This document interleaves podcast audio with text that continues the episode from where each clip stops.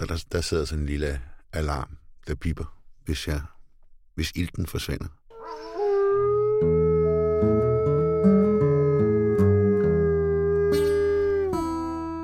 Velkommen til Kærlig Hilsen, Kære Ulv. Et nyhedsbrev for egen regning og risiko.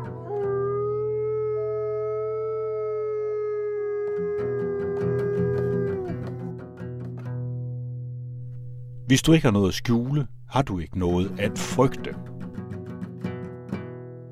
Som støjende og plagsom aktivist med overvågning som fokus og speciale, så er det, udover Nick Hagerups berømte overvågning af frihed, en sætning, der har plaget og ødelagt al diskussion omkring forholdet mellem staters overvågning og borgernes frihed. Vi tager det lige igen. Hvis du ikke har noget at skjule, har du ikke noget at frygte. Jeg ved faktisk ikke, hvem der i sin tid har fundet på den her dæmoniske orwellianske sætning, men jeg kan i al stillhed konstatere, at den ikke bare har overlevet, den har til sydenland også vundet over al almindelig sund fornuft.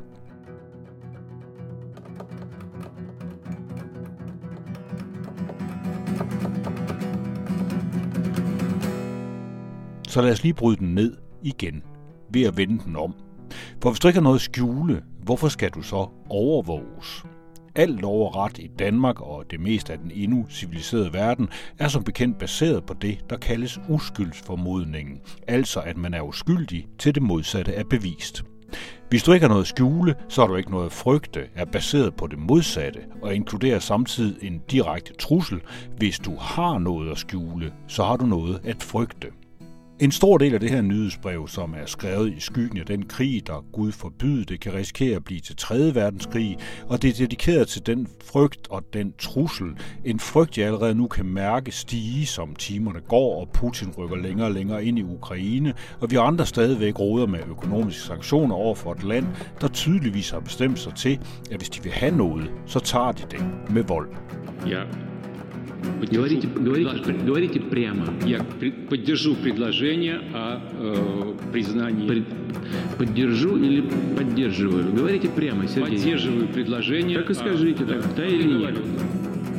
Поддерживаю предложение о вхождении. Og hvorfor nævner jeg så krig? Talte vi ikke overvågning lige før? Altså den, der skal forhindre mor, voldtægter og sort arbejde og stalking og alt det, som Nick Hagerup er meget optaget af for tiden. Jo, vi taler overvågning. Og vi taler om overvågning, fordi det er noget, der skabes på grund af krige. Siden 2001 har den vestlige verden således opgivet frihedsrettigheder i et tempo, som man skulle tro, det var en del af en konkurrence om at blive det nye Østtyskland. Alt sammen på grund af en krig, der dengang var mere end virtuel, og hvor fjenden ikke var konkret. Krigen mod terror. Either you are with us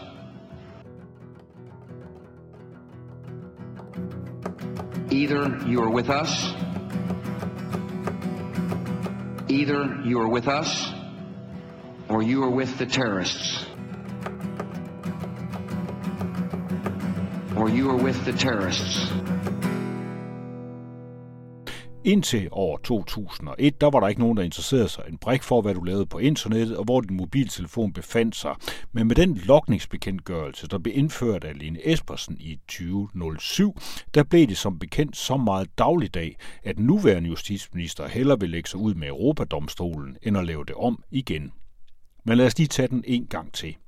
Indtil 2007, der var danskerne så ufarlige og flinke, og politiet var så dygtige, at de ikke som i dag fandt det bydende nødvendigt at vide, hvor alle danskere, skyldige og uskyldige, befinder sig henne hele tiden. Faktisk husker vi, der var der dengang, det er ikke som mere utrygt eller farligt at være dansker før 2007, men hvis man lytter længe nok til Nick Hækkerup, så kan man godt komme i tvivl om, hvorvidt man husker rigtigt. Vi havde en dom fra Østerlandsret i 2017, hvor øh, offeret var en kvinde, øh, som ankom fra Vejle til Vordingborg, hvor hun skulle mødes med sin eksmand, som havde ringet og overtalt hende til at, øh, at komme under, pås, under påskud at have øh, sammenkvem med deres fælles børn, og efterfølgende øh, øh, forsvandt kvinden. Livet er ikke blevet fundet, øh, men øh, gerningsmanden blev dømt blandt andet på baggrund af indhentede teleoplysninger i tyndt befolkede områder, øh, dømt for drab, dømt for usømmelig omgang med lig. Hvad vil der ske med den kvinde fremadrettet? Ja, nu er hun så død jo. men, men øh, hendes øh, søstre, det er dem, der svigtes med den, øh, med, med, øh, med, øh, med den regulering, som, øh, som vi risikerer inde i her. Der var også en lang række sager med hjemmerøverier. Øh, det var en dom fra Østerlandsret 2020. Omfattende kriminalitet begået af, af omrejsende kriminelle i, i grupper i, øh, i 2017. Øh, en, en udenlandsk gruppe blev dømt i 2020 øh, for 25 grove øh, hjemmerøverier og for ulovlig frihedsberøvelse. Der var jo at tale om helt overvejende øh, sårbare og svagelige ofre i flere dele af landet. Sydøstjylland, Sjælland, hovedstaden. Også i det her tilfælde blev de pågældende dømt på grund af omfattende teleoplysninger i tyndt befolkede områder, hvor der fremadrettet med målrettet lokning formentlig ikke var samme adgang til de lokkede oplysninger. Og sådan kunne vi jo blive ved. Det er det her, der er konsekvensen Fakta er i hvert fald, at vi mistede retten til at bruge vores telefoner uden at blive registreret og gemt i et år i en kæmpe database, som staten via dommerkendelse, der er utrolig nem at få, eller ved simpel edition, et gummibegreb, hvor politiet henvender sig direkte til teleselskaberne for at få at vide, hvem der var på et bestemt sted på et bestemt tidspunkt, kan få adgang til alle de her data. Det er, om man skal være socialdemokrat eller venstremand, for at benægte det masse overvågning. Masseovervågning, det er, når staten overvåger hele befolkningen, uanset om de har gjort noget eller ej. Bjørn Brandenborg, retsordfører fra Socialdemokratiet, forsøgte ellers i en kronik i Berlingske at tørre den af på teleselskaberne. Det er sådan, at teleselskaberne allerede i forvejen logger trafik- og lokaliseringsdata i forretningsøje med, vi beder så teleselskaberne gemme nogle af de oplysninger i et år, sådan at politiet og anklagemyndigheden bedre kan efterforske og retsforfølge kriminelle, skrev han i en kronik i Berlingske, og glemmer behendigt, at grunden til, at teleselskaberne logger trafik- og lokalisationsdata oprindeligt var af hensyn til regningerne, men siden 2007 har Folketinget tvunget selskaberne til ved lov at gemme alle de her data i et helt år, så politiet og dermed staten kan slå tilbage i vores bevægelser og kommunikation for 365 dage siden. I Kina, der gør man det samme, plus lidt mere, og jeg er ret sikker på, at Putins KGB og Gro også har fuldkommen styr på alle telefoner i Rusland. Men er det virkelig noget, vi behøver at kopiere her i landet? Har staten endegyldigt mistet tilliden til borgerne? Og hvorfor kan meget få se, at det er en frihedsret at kunne bevæge sig i det offentlige rum med sin telefon, uden at blive registreret hele tiden og risikere at få sine egne data brugt imod sig? Og at det er en frihedsret, vi har mistet, men som vi rigtig gerne vil have tilbage snart ikke, netop fordi vi ikke har noget at skjule.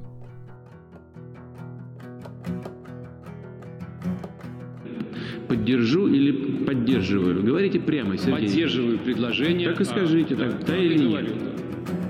Поддерживаю предложение о вхождении Донецкой и Луганской народных республик в состав Российской Федерации. Да, мы об этом мы об этом не говорим, мы этого не обсуждаем. Мы говорим мы говорим о э, признании их независимости или нет. Either you are with us or you are with the terrorists. I denne uge, der kunne version 2 også afsløre noget med russisk salat på. Ifølge dem så har hackere via russisk kode fået adgang til mindst 32 gamerbørns computer, inklusiv NemID, billeder, koder til sociale medier osv. Der er efter al sandsynlighed mange, mange flere børn, der har fået hacket deres liv, men version 2 har undladt at købe hele datasættet på dark web for ikke at understøtte forbryderne, siger de. Børnene, ja, de blev lukket til at slå deres firewall fra for at kunne installere et ekstra program, et såkaldt add-on, der gjorde spillene sjovere eller nemmere, men i det øjeblik, de gjorde det, så mistede de kontrollen med deres computer.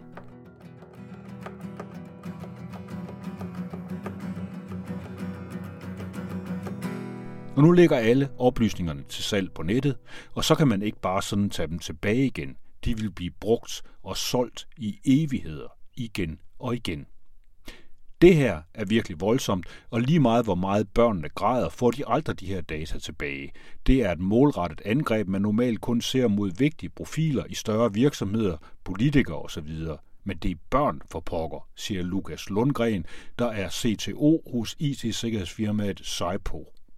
Her fra min lille post, så venter jeg stadigvæk i spænding på, hvordan Medierådet for Børn og Unge eller Center for Digital Pædagogik vil lave damage control på den her. Begge institutioners linje har de sidste mange år været, at man må prøve at forstå, at børn har deres helt egen verden, som de voksne ikke rigtig skal blande sig i. Højst som forstående ignoranter, der simpelthen ikke fatter det sted, hvor poderne digitaliserer sig rundt. For computerspil er simpelthen løsningen på alt, må man som ældre idiot forstå. Senest har lektor ved IT-universitetet Hans Joachim Bakke foreslået, at man bruger Minecraft til at lære de små om klimaforandringer. Argumentet herfor, det lyder således. Hvis du siger til en gruppe 10-årige, at nu skal vi spille et matematikspil, så vender de det hvide ud af øjnene. Men hvis du spørger dem, om de vil spille Fortnite, så behøver du jo ikke at presse dem – siger han. Og det lyder jo som en eller anden vej frem. Så mangler vi bare et hæftigt kursus i seriøs cyberskepsis og sikkerhed oveni. Et kursus, der nok ikke lige kan lejes ind i hovederne på 10-årige via en iPad eller et sjovt spil. På Twitter der gik CC's ejeren Peter Kruse i bræschen for bedre sikkerhed nu. For mig Danish followers, op med de digitale barrikader. Når Putin taler om aktioner, vi aldrig har set før, så behøver det ikke nødvendigvis være nuklear og dommedagsretorik, men derimod angreb mod infrastruktur og kommersielle interesser, skrev han. Ifølge mine kilder, så er angrebene ikke startet endnu herhjemme, men mund ikke de kommer. Så det er måske nu, du skal have opdateret maskinen, og hvis du arbejder et eller andet sted, der er samfundskritisk, så kig lige ekstra godt på de mails, du får, før du klikker på dem. Ikke. Until early this morning, some here in Kiev doubted that he would do it. Not anymore. The West warned Vladimir Putin was about to attack. He said he had no such plans. That fiction now utterly exposed explosions right across this vast country.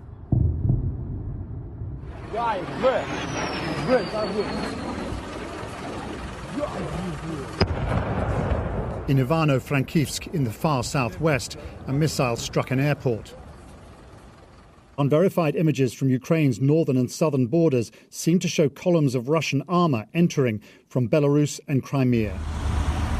Within hours, Russian tanks were reported to be on the streets of Ukraine's second largest city, Kharkiv. Whatever Russia says, this attack will not be surgical. Krigen i Ukraine er godt i gang og følges herfra med øret solidt klistret til BBC World, der som altid leverer førsteklasses dækning direkte fra, hvor det sker, og helt befriet fra danske snakkehoveder og analytikere, der gør sig kloge på små hjørner af en stor konflikt, der unddrager sig simple forklaringer. Jeg kom endnu en gang til at tænke på USA's tidligere præsident, det store hederlige menneske Dwight D. Eisenhower og hans afskedstale fra januar 1961, hvor han siger, at under krigens sorte skyer hænger menneskeheden på et kors af jern. Vi tager den lige en gang til.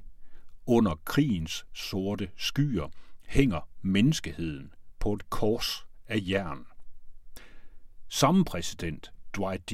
Eisenhower, og samme tale, den handler om noget, der i den grad stadigvæk er relevant det militære industrielle kompleks, det faktum, at der er så mange penge i at lave våben, at fabrikanterne ender med at styre militæret og i virkeligheden også regeringerne.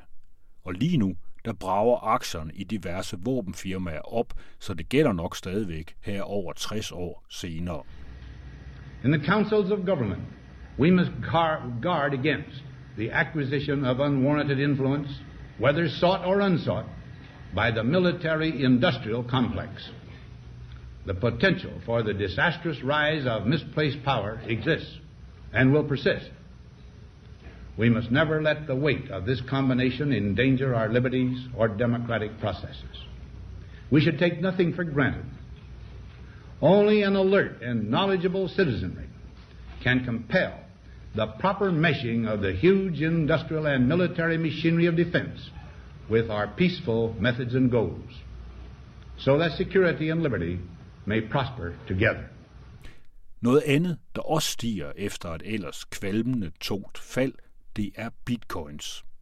Og Det har haft konsekvenser i staterne Montana og Texas, hvor bitcoin miners nu simpelthen har genoplevet ellers lukkede, svinende, kulfyrede værker for at kunne lave endnu flere bitcoins via bunker af energislugende grafikkort, hvilket har fået CO2-udslippet i området til at stige kraftigt. Grunden til, at det kan betale sig at åbne sådan nogle gamle kulfyrede værk, det er blandt andet, fordi bitcoin-minernes foretrukne land, Kina, har lukket for den fest nu. Samme Kina er i øvrigt bemærkelsesværdigt tavse i forhold til Ukraine. Kina er til gengæld helt fremme i skoene rent teknologisk, i modsætning til Danmark. Det skrev Charlotte Rønhoff, som er formand i Science and Engineering-komiteen hos Akademiet for Tekniske Videnskaber i en kronik for nylig. Teknologi, digitalisering, forskning og innovation fylder i dag forsvindende lidt i den politiske debat, og det er mere end problematisk, at så få politikere er optaget af, hvad vi skal leve af fremover. Sandheden er nemlig, at der ikke kommer en prins og vækker Danmark fra tonerosesøvnen. Regeringen må selv smide slummertæppet og få smurt velstandsmotoren, skriver hun. Og selvom jeg godt forstår, hvad hun mener, så synes jeg ellers nok, der er blevet talt og skrevet om digitalisering og teknologi og innovation. Stolpe op og stolpe ned, som man sagde, da jeg var barn, og det er længe siden. Men måske hænger det sammen med, at politikerne generelt opfatter de her ting, digitalisering og teknologi og innovation, som noget magisk, som noget magisk IT-sovs, noget med Silicon Valley og noget med disruption og eksponentiel vækst og Singularity University, og derfor at hælde penge ud over tvivlsomme konsulentbyråer og amerikansk software, i stedet for at bruge tiden og pengene på at bygge en smuk, funktionel og ikke mindst dansk kontrolleret kritisk infrastruktur. Den der kritiske infrastruktur på danske hænder, den kunne ellers være nyttig at have lige nu ikke. Men måske så bliver vi klogere og går i gang i morgen. Det håber vi. Til da, kærlig hilsen, kære Ulf.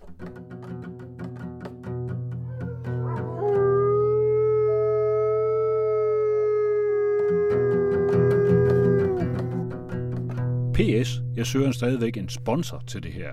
Send mig en mail, og lad os tale om det.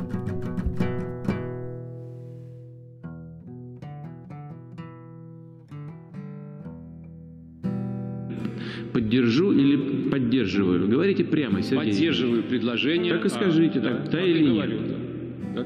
Поддерживаю предложение о вхождении Донецкой и Луганской народных республик в состав Российской Федерации. Да, мы об этом мы об этом не говорим, мы этого не обсуждаем. Мы говорим мы говорим о э, признании их независимости или нет.